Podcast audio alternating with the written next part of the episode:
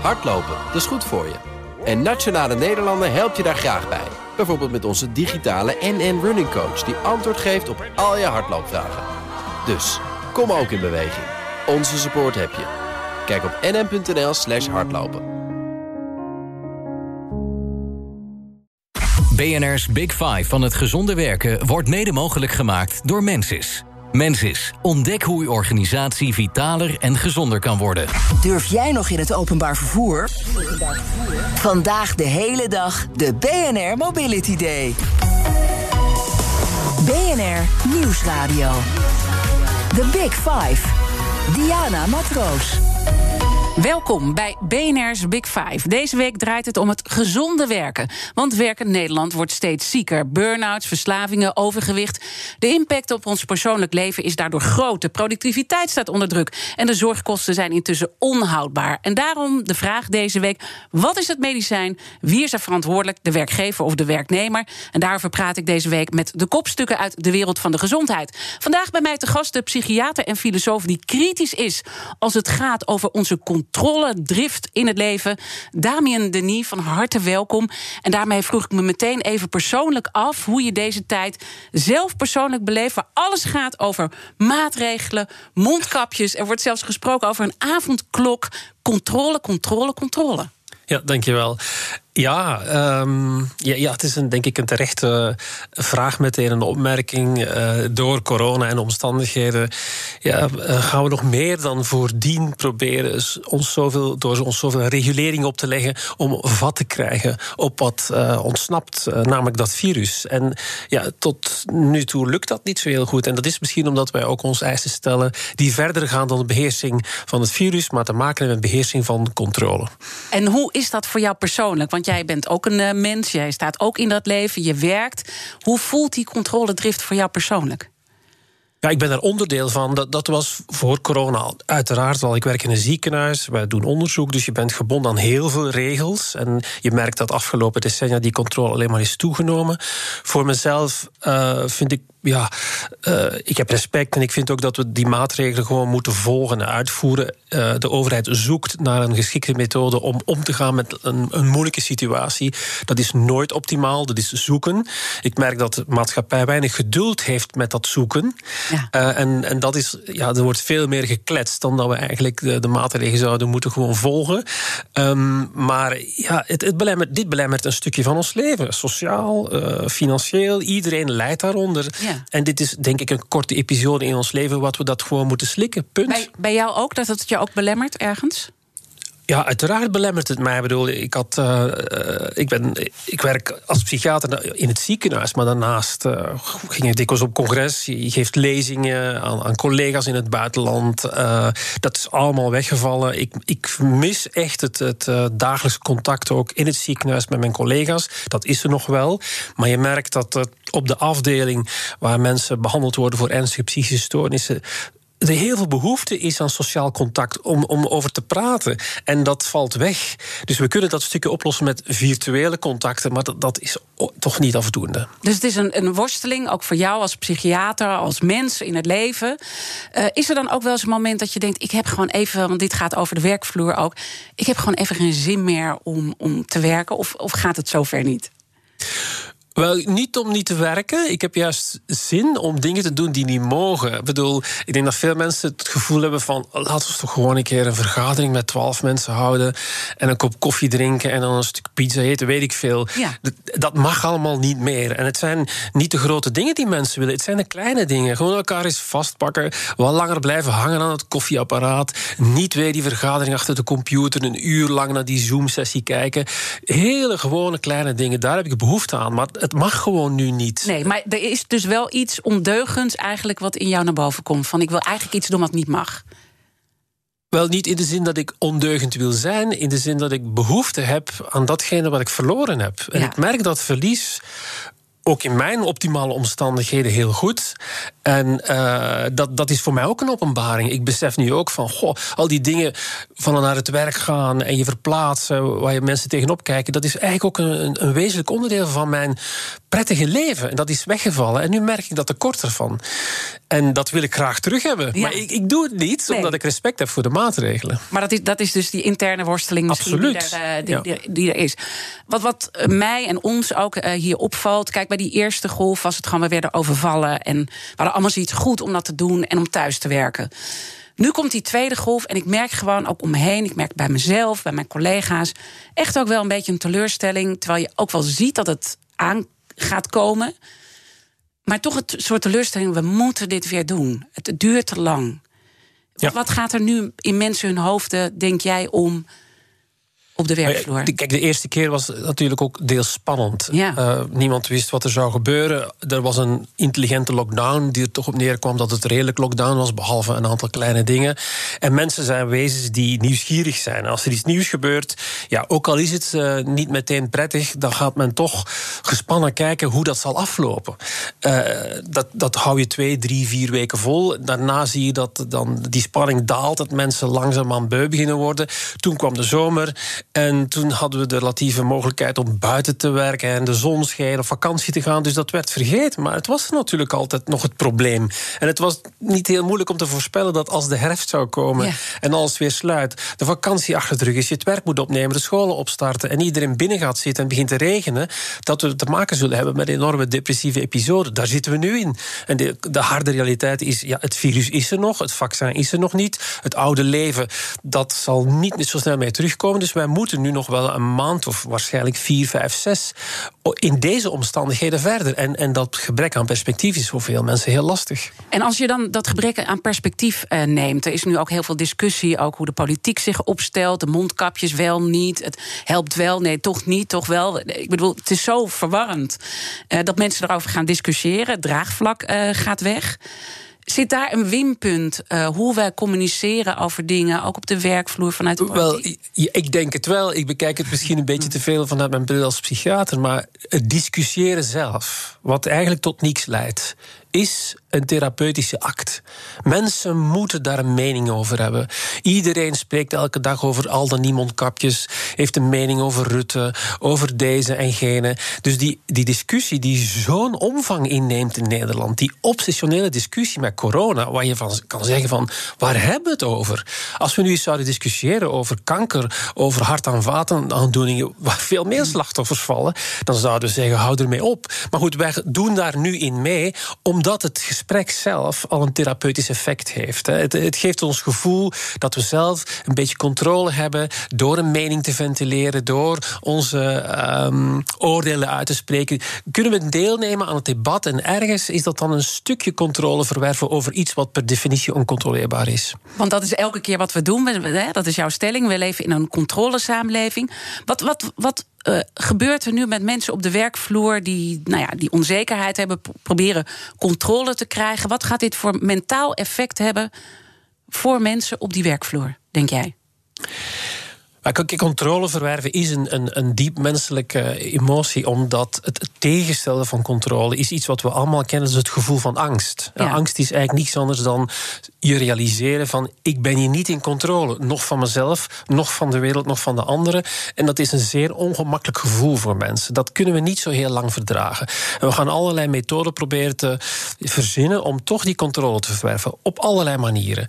Um, dit is een fundamentele situatie van gebrek aan controle en mensen proberen daarmee om te gaan. Bijvoorbeeld door mondkapjes te eisen, omdat je dan het gevoel hebt dat er toch iets gebeurt. Of het nu werkt of niet werkt, dat doet er niet toe. Dus daar, daar hangt natuurlijk ook die symbolische betekenis aan vast. Dat we iets willen doen om controle het gevoel van controle te krijgen, ook al is het oncontroleerbaar. En dat is iets wat we nu continu proberen te doen. We proberen ons gedrag aan te passen door allerlei controlemanieren te, ja, uit te oefenen, waardoor we toch vat krijgen op iets wat eigenlijk per definitie onvatbaar is. En wat kan een werkgever dan daarin doen om toch een werknemer daar zo goed mogelijk bij te ondersteunen? Ik denk dat voor een, een, een werkgever uh, het belangrijk is dat hij zich realiseert dat mensen um, lijden, denk ik, mentaal lijden onder die reguliere werkomstandigheden die er nu niet meer zijn. Met daarbovenop natuurlijk de onzekerheid voor sommigen dat men ontslagen kan worden. Dat er onzekerheid is over de toekomst, uh, over de financiële, economische toestand. Dus ik denk dat we ons moeten realiseren dat voor veel werknemers nu dit een hele lastige tijd is. En dat Ja. het mentale lijden ook wel Maar echt wat moet je is. doen? Wat moet je doen behalve de realisatie? Want de realisatie is één, maar daarmee verandert er misschien nog niks. Nou, je, je- als werknemer of werkgever kan je niet zoveel doen dan ten eerste binnen de maatregelen blijven. Je kan er niet zeg maar, zeggen, ik doe daar niet aan mee. Dus respecteer die maatregelen en zoek binnen de ruimte die je krijgt mogelijkheden om mensen die bij jou werken het gevoel van autonomie terug te verschaffen. Om dat plezier terug te induceren. Want dat zijn de stukjes die je kwijtgeraakt zijn. Hoe kan je het gevoel geven dat aan iemand dat hij zelf toch kan bepalen hoe die werkt? Hoe kan je dat sociaal contact toch proberen ergens te recupereren op een of andere manier? The Big Five. Diana Matroos. Je luistert naar BNR's Big Five van het gezonde werken. Gisteren sprak ik met staatssecretaris eh, Paul Blokhuis. En morgen is de voedseldeskundige Louise Fresco bij mij te gast. Dan ga ik met haar op zoek naar de echte waarheid rond gezond eten. Want er zijn zoveel tegenstrijdige verhalen. Maar vandaag eerst natuurlijk duiken we in de mentale gezondheid... en de impact op de werkvloer met psychiater en filosoof Damien Denis. Eh, laten we eh, nu wat verder micro inzoomen op de werkvloer. Want even los van corona waren er al een hoop problemen. Burn-outs stijgen eh, enorm. Ik wil straks met je praten over de onderliggende oorzaken. Maar eerst even, hoe kan een werkgever signaleren dat het niet goed gaat met iemand en iemand tegen een burn-out aanzit?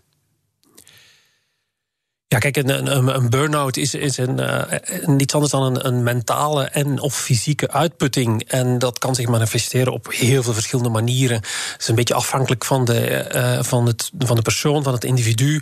Maar er zijn een paar eh, heel kenmerkende klachten: eh, concentratieproblemen, eh, er geen zin meer hebben, eh, moeilijk kunnen slapen, eh, of obs- geobsedeerd zijn met een klein detail in je werk. Dus geen afstand meer kunnen nemen ten opzichte van je werk. Dus er is een heel race aan klachten. Maar de bottom line is: als een persoon anders begint te functioneren dan dat hij vroeger was, dan kan er wel eens iets aan de hand zijn. Dan zou je moeten opletten. En wat moet je dan als, behalve opletten als werkgever dan doen? Wat, wat werkt? Want het is natuurlijk een heel gevoelig en kwetsbaar onderwerp.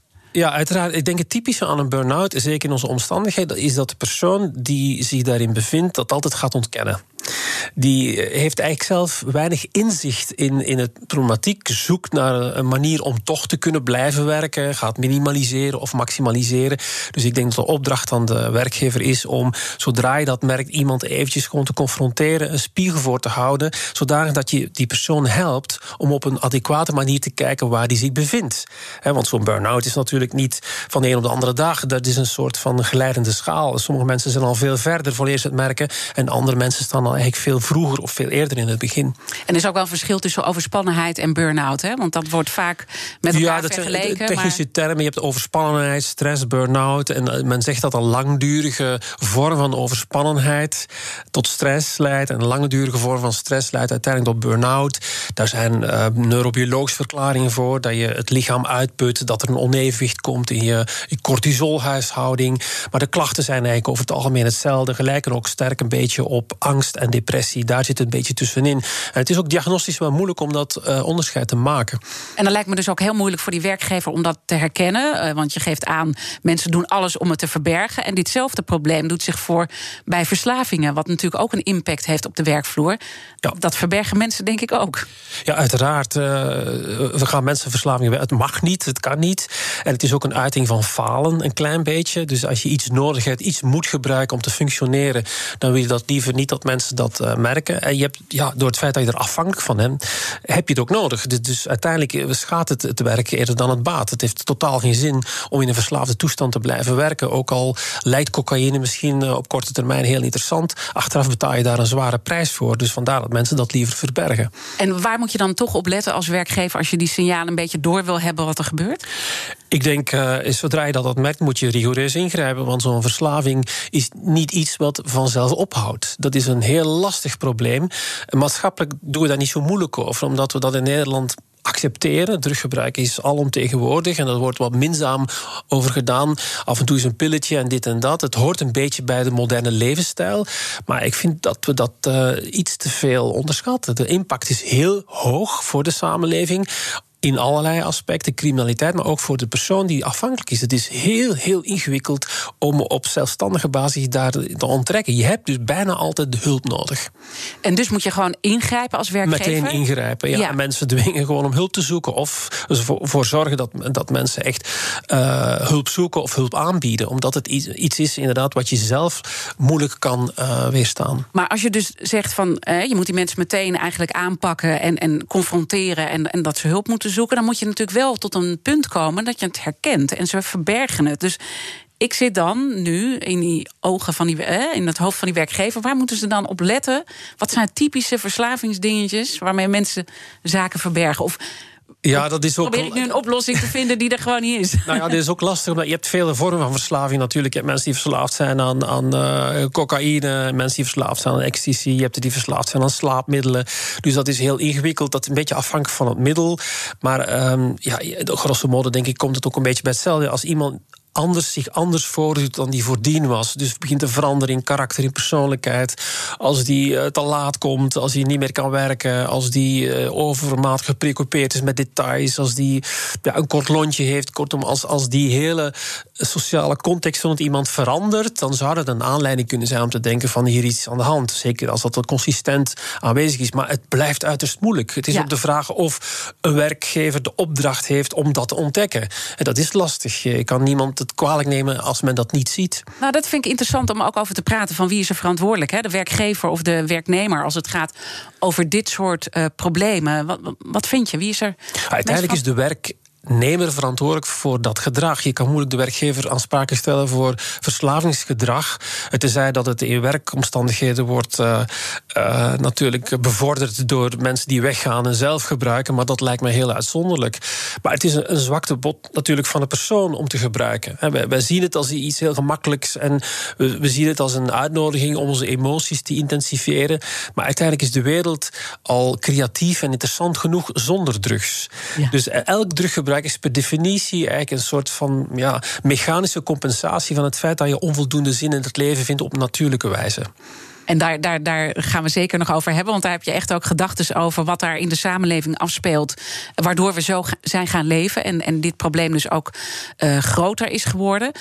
Uh, ik zit eventjes. Uh, te denken. Hè, als het gaat over die mentale gezondheid en alles wat er op de werkvloer uh, gebeurt. Zit er ook iets in die werkvloer zelf waardoor we in die uh, mentale problemen worden gedrukt? Ja, ik denk, ja zeker. Kijk, wat, eh, ons, ons, ons perspectief op werk is ook denk ik, de laatste tijd bizar geworden. We moeten ons lezen, werken voor een mens is een van de weinige mogelijkheden die we hebben om echt ook als persoon te bestaan, om ons te verwerkelijken. Werken komt van zich verwerkelijken. Als wij iemand willen zijn als mens, is het niet voldoende om een naam te hebben en om de wereld te staan. Je bent pas echt iemand als je je, je aanwezigheid omzet in een product dat je maakt, in, een, in iets wat je bijdraagt aan kennis op allerlei vlakken. Of uh, je staat voor het onderwijs, of je creëert echt iets, of je staat in een café. Iets doen in die werkelijkheid, in die werkelijkheid veranderen, is een essentiële voorwaarde om je gezond te voelen.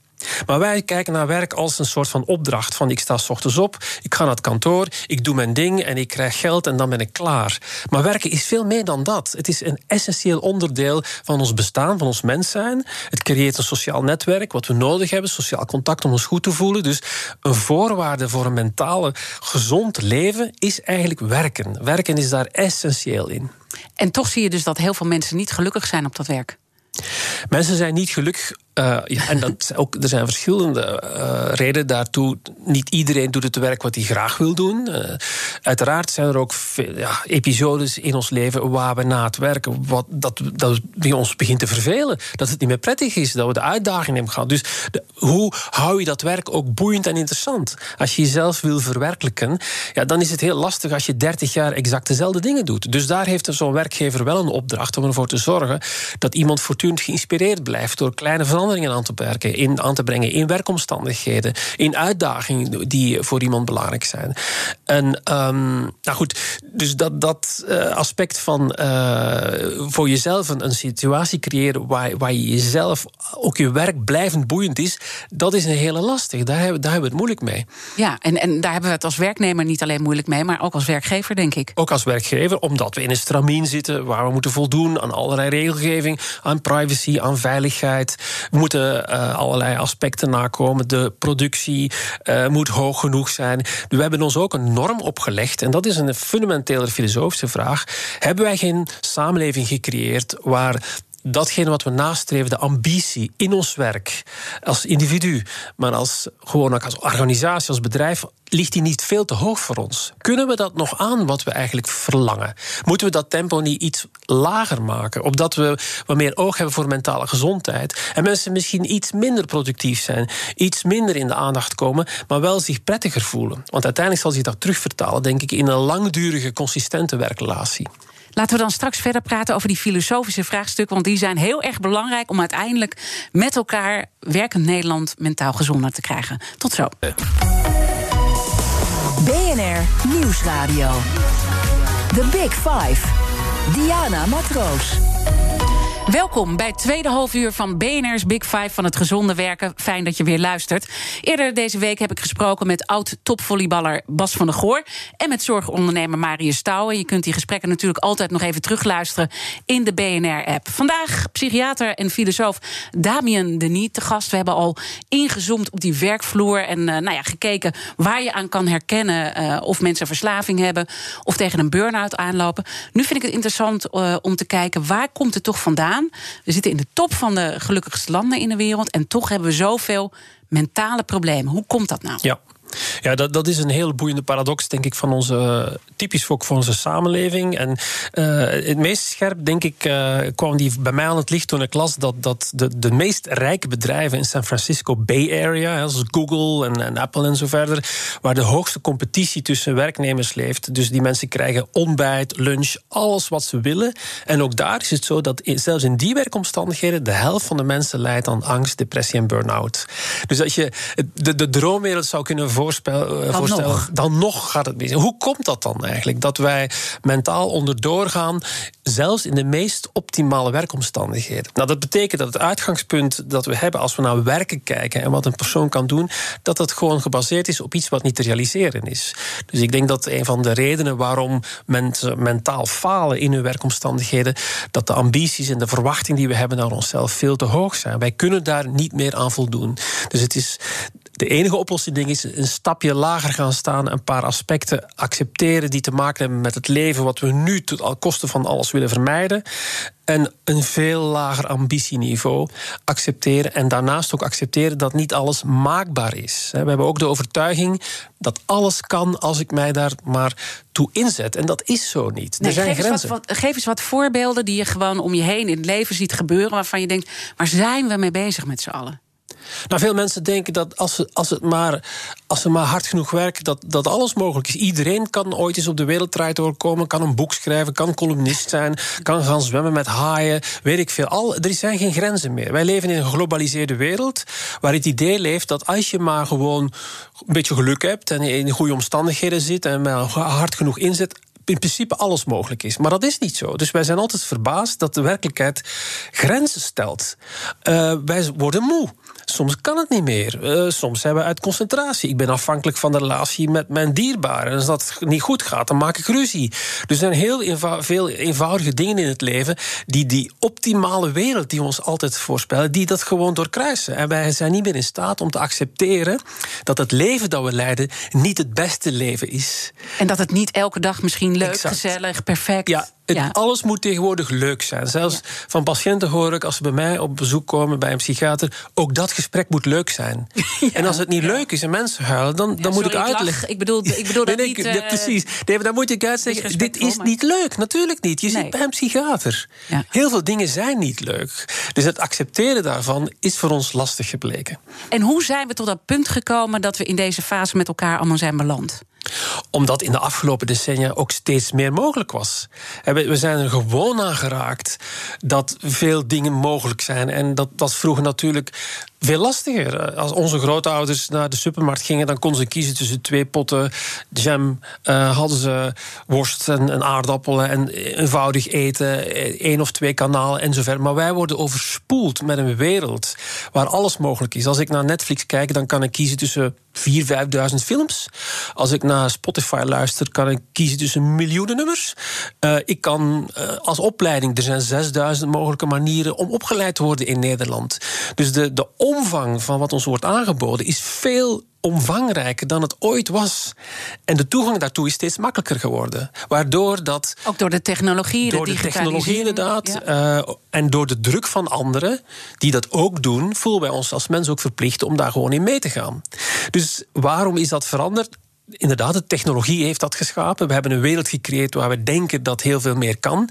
En de wereld is ook veel complexer, exotischer, rijker geworden dan het vroeger was komt er ook gewoon niet te veel informatie tot ons uh, door nou ja, de media, de digitalisering. We krijgen de hele tijd. Uh, ja. Ik vind dat zelf. Ik, ik werk al heel lang uh, in de media en de journalistiek.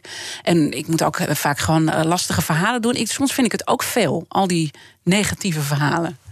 Het is veel in, in, uh, in ook in, inderdaad in omvang. Het is, ik vind het ook interessant als je naar je telefoon kijkt, dan staat er: u hebt deze maand zoveel data verbruikt. Als je naar kijkt hoe wij naar de mens kijken, wij zijn een soort van dataverbruikswezens geworden. Er komt informatie binnen, wij verwerken dat en we laten dat achter. En dat is heel, heel bijzonder, dat is heel nieuw. En dat komt uit de hele wereld voortdurend op ons af. Mensen kijken elke tien minuten op telefoon, omdat er een nieuw berichtje is, om te kijken wat Trump heeft gedaan. Dat tempo ligt heel hoog, maar dat leidt ons natuurlijk af van een rustig en een eenvoudig leven. Dus daar zijn heel veel negatieve aspecten aan verbonden die wij nu niet zien of niet willen zien. En dan zit ik eventjes, wat, wat kan je daar dan... want dit is de maatschappij waarin we leven. Dus je zegt van, we hebben steeds meer eisen die we aan ons stellen. Het perfecte uh, plaatje. Tegelijkertijd hebben we ook die controledrift nog eens een keer... waarmee we onze angsten proberen onder controle te krijgen. Wat kan je hier nou als mens, als individu aan veranderen? Ja, wat kan je dan veranderen? Ten eerste is de vraag, hoe kan je dat veranderen? Het is interessant, wij moeten een omslag maken. Tot voor kort was het zo dat je inspanning moest leveren om informatie te krijgen. Als je vroeger wilde leren, dan moest je naar een bibliotheek gaan. Je moest een boek openslaan. Nu is het andersom. Je moet informatie, je moet uh, inspanning plegen om informatie van je af te houden. Dus wat we nu aan mensen vragen, is dat ze mentale inspanning plegen om afstand te nemen van het nieuws, van de ander, van het tempo, van de globalisering. Dus dat vergt een heel andere attitude ten opzichte van jezelf. En dat, daarom gaat het natuurlijk niet vanzelfsprekend. Maar het kost mentale energie om niet vanzelfsprekend mee te gaan met die hele draai van het leven die ons wordt continu aangepraat. Dus dat moet je toch proberen zoveel mogelijk uh, zelf te managen. Dat je, nou, managen is dan weer zo'n woord van deze dat tijd. Is een, ja, niet het beste woord, nee. maar het gaat om zelfbehoud. En ja. hoe kan je voor jezelf de vraag stellen: wat heb ik als mens nodig om dit leven te leiden? Ja. En dan komen veel mensen erachter dat het heel eenvoudige dingen zijn: uh, vriendschappen, contacten, in de natuur wandelen, gezond eten. Uh, dus allerlei andere dingen worden veel belangrijker dan datgene wat we najagen. Maar het vergt lef en moed om te zeggen ik ga dat ook nu doen. Ja. En, ik ga niet meer meedoen met de rest. Ik ga niet meer meedoen, want mensen hebben het idee van... oh, ik kom thuis van mijn werk, ik ga snel eten, gezonde maaltijd, zoveel calorieën. Daarna ga ik naar de sportschool, anderhalf uur sporten... dan ga ik nog dat filmpje op Netflix meepakken... daarna ga ik naar de kroeg, een ja. pintje en zo verder en zo verder. Verdorie, je beschrijft gewoon mijn dag. Het is echt gewoon treurig. Dat, dat, ja. ik voel me opeens heel nietig en treurig... dat ik daar dus dan de hele dag uh, mee bezig ben. Oké, okay, dus dat is iets wat, wat, wat wij zelf uh, kunnen doen. Wat kan die werkgever hier aan doen? Dat wij niet helemaal doorslaan in dat perfecte en de belevenis. Dat is ook zo'n rotwoord. Alles moet beleving zijn. De ja, precies. Ja. Het is niet alleen het feit dat, dat, dat, uh, dat het enorme tempo heel hoog ligt. Maar wij leven ook in een zou je kunnen zeggen, letterlijk experience economy. Mensen willen belevingen ervaren. Het gaat niet om het aanschaffen van producten of het kopen van dit of dat of op vakantie gaan. Het gaat om het, ja, het, het ervaren van unieke belevingen. Dus te unieker de beleving, dus te meer ben je als persoon waard. En dat, dat, dat is heel lastig, omdat een beleving, ja, dit stelt, dat is niet echt iets diepzinnig. Dat blijft niet bij je hangen. Dat is iets wat je meemaakt en dan, nadien is het, weer, is het verdwenen. Maar goed, dat is denk ik een van de redenen ook waarom we te veel emotioneel betrokken zijn bij datgene wat moet komen. En alleen vanuit dat perspectief ook uh, waardering hebben voor omstandigheden. Heeft het ons genoeg belevingen bijgebracht? Nou, ik denk dat een werknemer een bijdrage, of een werkgever uh, tenminste een bijdrage kan leveren door proberen realistische eisen te stellen aan een werknemer. Door Um, misschien ook die uh, mentaal arbeid te plegen. Te zeggen van, hé, hey, in welke samenleving leven we? Wat is nog haalbaar voor zo iemand? Wat wil ik van iemand in mijn werkomstandigheden? Wat moet die persoon doen?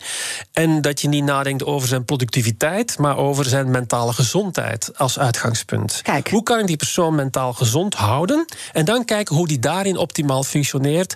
Anders dan de vraag te stellen... hoe kan ik zo hoog mogelijk productiviteit verkrijgen... en dan achteraf te merken wat het effect is op de mentale gezondheid. Intussen, uh, dit, dit, is nog een weg die we moeten gaan. Maar intussen lopen de wachtlijsten natuurlijk op als het gaat om de GGZ. En mijn vorige gast, uh, staatssecretaris Paul Blokhuis. We hebben natuurlijk de kettingvraag hier. Die had deze vraag in dat verband voor jou. Ik zou aan Damian willen vragen. Uh, wij hebben in Nederland zeg maar meer dan een miljoen mensen in behandeling in de GGZ per jaar. En ook wachtlijsten. Damian, help mij en geef mij de top drie van oplossingen voor die wachtlijsten. Ja, dat is een leuke vraag van uh, de staatssecretaris. Nou, ik denk drie dingen. En één van de drie uh, toepassen is onvoldoende. Ze moeten alle drie gebeuren. Als het gaat om het zorgstelsel, zou ik voorstellen om de gereguleerde marktwerking af te schaffen. Want dat creëert veel onnodige zorg. Als het gaat om het zorgaanbod, dan denk ik, moet de inspanning worden gepleegd om de administratie en regelgeving naar beneden te brengen. Want dat kost in de GGZ ongeveer 30% van het inhoudelijke werk. Het aanvinken van allerlei aspecten. En tenslotte is er ook, denk ik, een opdracht voor ons allemaal. Als zorgvrager moeten we leren dat we niet elk eh, zingevend probleem moeten neerleggen bij de GGZ, een psycholoog of een professional, maar zelf moeten oplossen. Ja, ik merkte dat je toen de vraag kwam dat je ook moest uh, glimlachen. Wat is die glimlach? ja, ik ken, uh, ik was uh, voorzitter van de Nederlandse Vereniging voor Psychiatrie, dus ik ken Paul Blokkers een klein beetje. En dit is natuurlijk een, een hardnekkig en langdurig probleem bij VWS. En zij zitten ook met de handen in het haar. Er wordt zoveel geld in gestopt. We moeten ons realiseren dat de GGZ, denk ik, dubbel zoveel kost dan 15 jaar geleden. En dubbel zoveel problemen heeft opgeleverd. Men weet dus niet meer hoe we dat moeten oplossen. Want meer geld, meer personeel heeft geen enkel effect. Dus je moet op een heel andere manier naar het probleem kijken. Dus we moeten echt gaan omdenken. Dat woord gebruikte die uh, ook. Uh, ja. Heb je hem dat eerder geadviseerd? Je moet echt gaan uh, omdenken. Dat want... wil ik niet aan mezelf wijten. Nee. Maar ik ben heel blij dat hij zegt we gaan omdenken. Goed. BNR Nieuwsradio. The Big Five. Diana Matroos. Je luistert naar BNR's Big Five van het gezonde werken. Mijn gast vandaag is psychiater en filosoof Damien Denis. Uh, we hebben over al die rollen gesproken: de werkgever, de werknemer. Um, onderwijs hebben we eigenlijk nog niet gehad uh, in dit verband. Want als je kijkt naar de mentale problemen uh, die we hebben. en ook de, de, de fysieke problemen met onze gezondheid. en gezonde levensstijl. Waar nu ook al dat preventieakkoord uh, voor is gekomen. moeten we niet beginnen om helemaal terug te gaan naar dat onderwijs. en daar veel meer aandacht aan te gaan geven? Ja, ik, ik, denk dat dat een uitstekend voorstel is. En ook een hele, hele terechte en misschien ook wel de enige oplossing. Als je kijkt naar mentaal lijden, ook op wereldvlak, dan lijkt de, een van de, van de meest bepalende factoren die dat kan verhinderen, is opleiding. Hoe hoger en beter de opleiding, dus te minder mensen psychische klachten ontwikkelen. Ook sociale gelijkheid is een heel belangrijke factor. Dus opleiden, combineren met sociale gelijkheid zou een, uh, een, ja, een goede zaak zijn. Maar je kan nog veel concreter maken. Je kan je de vraag stellen: ja, we hebben lichamelijke op uh, soort van lichamelijk onderwijs. We moeten, als we jong zijn, op de lagere school en op de middelbare school, moeten we gaan zwemmen en rondrennen. Waarom gaan we niet een soort van mentaal onderwijs inrichten? Waarom leren we niet wat, wat angst betekent, wat depressie betekent, hoe je burn-out kan herkennen, hoe, wat, wat stress is? Dat zou in het pakket moeten zitten van het onderwijs, zodanig dat we kinderen vroeg gewoon leren wat het is en hoe ze daar weerbaar kunnen aan worden, hoe ze sterker kunnen worden. En, en wat zou je dan, als je voor die leerlingen zou staan, wat zou jij daarover vertellen? Wat, wat is die angst en hoe kan je ermee omgaan? Heel, heel bazaal, heel, heel simpel. Want veel mensen weten echt van zichzelf niet wanneer ze angstig zijn en wat dat betekent. We hebben daar geen inzicht in.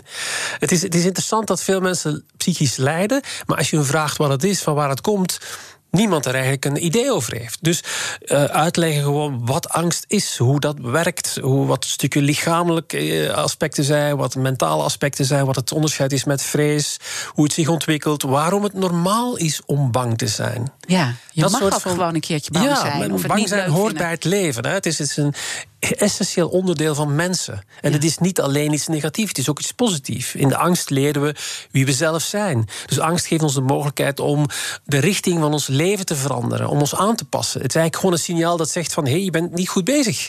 Dat is het. Dus op die manier naar leren kijken geeft een heel ander perspectief op angst dan het nu meteen willen wegduwen en met pillen en psychotherapie proberen te vermijden. Want we zitten nu eigenlijk uh, in een situatie met z'n allen dat we ook gewoon een psychiater des vaderlands intussen nodig hebben met alle problemen die we hebben. Ja, helaas. En dat komt omdat, nogmaals, eventjes naar het vorige. We hebben een soort van idee dat de mens maakbaar moet zijn en perfect. Dus, dus dat falen, dat psychisch lijden, dat zit niet in het pakket. Nee. Dat willen we niet. We willen dat verbergen met verslavingen. We willen dat verbergen met nog beter te zijn, nog mooier, nog sterker. Dus het is interessant dat onze intentie om niet psychisch te lijden eigenlijk de oorzaak is van ons falen. Er zit een hele rare paradox. Als we zouden het lef hebben om te accepteren dat mijn leven niet altijd fantastisch is, dat ik er af en toe wel eens heel slecht uitzie en moe ben en dit niet kan en niet altijd naar de sportschool moet. Als we zouden accepteren dat lijden bij het leven hoort, zou het veel makkelijker zijn en dan zou het lijden al voor een stukje verdwijnen. En dat is in eigenlijk alles wat we doen zit dat. Ook als je naar het uh, vliegveld gaat, dan wordt alles gecheckt in verband met mogelijke terroristische aanslagen. Natuurlijk aan één kant allemaal hartstikke goed. Maar het is ook weer die controledrift die je dus ook weer daar tegenkomt. Ook weer die maakbaarheid. Het is een combinatie inderdaad van controle en van maakbaarheid. En uh, ook wij worden gebombardeerd met berichten die ons ja, voortdurend uitnodigen om daarop in te gaan. Als je naar het nieuws luistert, dan straks gaan we het weer krijgen. Ik kan het voorspellen, de zomer- en de winterbanden. Dan wordt er gezegd van ja, wist u, wist u dat er zoveel ongelukken zijn door mensen die de verkeerde banden hebben.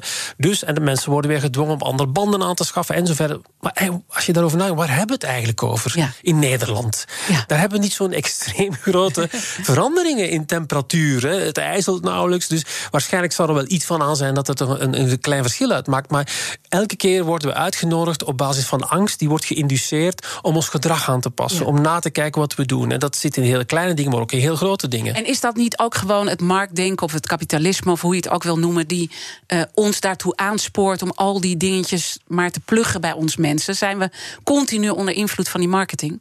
Wij zijn continu onder invloed van die marketing en het wordt verkocht langs die sociale, langs die belevingen, langs angst. Het is niet dat iemand zegt van hé, hey, die, die, die auto, dat is echt een hele mooie auto, die moet je kopen. Nee, men zegt van wist u dat zoveel kinderen sterven in het verkeer? Waardoor je het gevoel krijgt: ik moet die auto kopen om veilig door het verkeer te kunnen bewegen. Dus er wordt voortdurend angst aangepraat, een tekort aangepraat. En aan de hand daarvan voelen we ons geneigd om producten te kopen. En die, die weg daar langs, dat natuurlijk brengt een soort van afbreuk van wie je als persoon zijn. En dan zitten we nu in die coronatijd, waar we dus even extra moeilijk hebben. Alhoewel sommige mensen ervaren het ook als een positieve tijd, waarin meer rust en ruimte en regelmaat is. Wat voor ons zo belangrijk is als mens.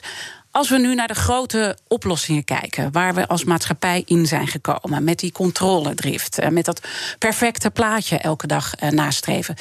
Denk jij nou dat dit gaat shiften nu we in die coronatijd zitten op de lange termijn? Ik hoop het wel. Het interessante is, die, wij, hebben, wij creëren het zelf. We zijn zelf slachtoffer en dader van een perfecte maatschappij, een maakbare maatschappij, een controlemaatschappij. Daar hebben wij debet aan. Het ziet er niet naar uit dat we dat zelf oplossen. Als er geen externe incentive komt die ons dwingt om te veranderen, doen we gewoon verder. Nog meer vliegen, nog meer controles, nog meer checks, nog meer verzekeringen en zo verder. Er, dus, er komt geen einde aan. En zo'n extern virus, dat ongevraagd aan de deur klopt en zegt van ja, met mij uh, is er niet te onderhandelen, het is uh, te nemen of te laten, confronteert ons voor het eerst met een realiteit waar we niet meer omheen kunnen. En ik denk dat dat voor het is natuurlijk slecht, want dan gaan mensen dood, worden mensen ziek. Maar je moet ook altijd kunnen kijken naar positieve kanten. Het is misschien ook een uitnodiging om onze levensstijl in vraag te stellen. En te zeggen van, hey, is er geen alternatief? Moeten we inderdaad niet rustiger leven, het tempo naar beneden brengen? Sociale contacten zijn misschien veel belangrijker dan ik ooit voordien vermoed had. Dat merk ik nu ze er niet meer zijn. Natuur is belangrijker geworden. Dus mensen beginnen hun gedrag te veranderen op basis van dat virus. En is het daarmee, ik bedoel, moeten alle disclaimers hier ook zeggen. Hè? Ik bedoel, die tweede golf, niemand is er blij mee. Economisch is het een ramp wat er nu gebeurt. Maar doordat het nu zo lang duurt, uh, geeft dat ook de mogelijkheid in positieve zin dat echt die shift er gaat komen? Want als het heel kort was geweest, waren we denk ik weer gewoon teruggegaan in ons gewone patroon. Ja, dat is waar. Maar ja, goed, het is een heel lastige discussie. Want op het moment dat je uitspreekt over iets positiefs, uh, dan worden mensen daar boos om, omdat er mensen ziek worden en sterven. Maar het, het, punt is hier dat je niet moet kijken op individueel niveau, maar op globale schaal. Dit gaat over de mens, over een periode van tientallen jaren. En de vraag is: zal die samenleving veranderen? En daar zijn wel tekenen toe dat de globalisering die neemt af door dat coronavirus. Nam al af, maar in een versterkte zin. Aandacht voor andere uh, waarden en normen die we vergeten waren. Zoals ik daarnet zei, het sociale samen zijn, kleinschaligheid, beperktheid, die gaan weer toenemen. Dus ik denk het wel, die, dat corona zal iets doen en dat er een tweede golf komt, ja, helpt alleen maar om die kanteling eigenlijk nog veel verder en sterker door te voeren. Morgen heb ik weer een uh, andere gast. En dan gaat die kettingvraag natuurlijk door. Zij is echt de voedseldeskundige. Louise Fresco. Uh, ze is voorzitter van de Raad van Bestuur van de Wageningen Universiteit. Wat, wat zou je graag aan haar willen vragen? Wel, in, in de lijn wat, we bespraken, eh, zou ik aan haar willen vragen: van, uh, kijk, Louise, uh, als, je, als jij zou moeten nadenken over drie lange termijn positieve effecten van het coronavirus, wat zou dat zijn? Zou het iets kunnen betekenen voor onze relatie tot voeding? Zou die veranderen door ons zicht uh, door, uh, op het virus? Zou het iets kunnen betekenen uh, met betrekking tot milieu en klimaat? Gaat dat effectief iets veranderen? En zou het iets kunnen betekenen in onze sociale omgang met andere mensen? Want op al die drie vlakken heeft het zich uitgesproken. Hè. We zijn te, te weinig empathisch. Hè. Onze relatie met voedsel is gecompromitteerd. En ze pleit ook, denk ik, voor een beter milieu klimaat.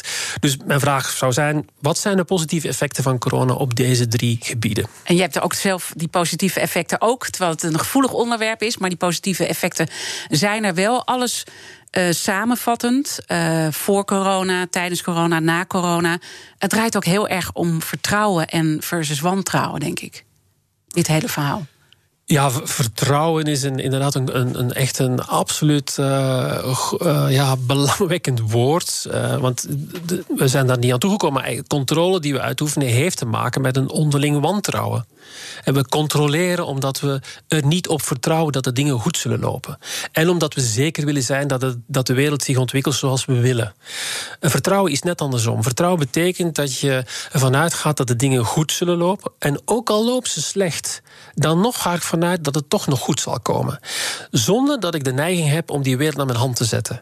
En dat is een, een hele ingewikkelde attitude voor een persoon. Maar als we dat met z'n allen zouden doen, als we opnieuw zouden kunnen vertrouwen in elkaar, dwars door alle sociale geledingen, dan zou dat uiteindelijk heel veel geld opbrengen. Want we betalen massaal voor dat wantrouwen. Ik denk dat dit een hele mooie takeaway is. In ieder geval neem ik hem eh, mee. Ik wil je danken uh, voor dit fijne gesprek en hoop dat we nog eens verder praten. Uh, psychiater en filosoof Damian Denis. En natuurlijk zijn alle afleveringen van BNR's Big Five zoals altijd terug te luisteren. Je vindt de podcast in de BNR-app en op bnr.nl. Maar blijf natuurlijk de hele dag live bij BNR. Straks Jurgen Rijman met Ask Me Anything. En ik wens iedereen zoals altijd een hele mooie dag. BNR's Big Five van het gezonde werken wordt mede mogelijk gemaakt door Mensis. Mensis, ontdek hoe uw organisatie vitaler en gezonder kan worden. Business Booster. Hey ondernemer, KPN heeft nu Business Boosters. Deals die jouw bedrijf echt vooruit helpen. Zoals nu, zakelijk tv en internet, inclusief narrowcasting... de eerste 9 maanden voor maar 30 euro per maand. Beleef het EK samen met je klanten in de hoogste kwaliteit. Kijk op kpn.com businessbooster. Business Booster.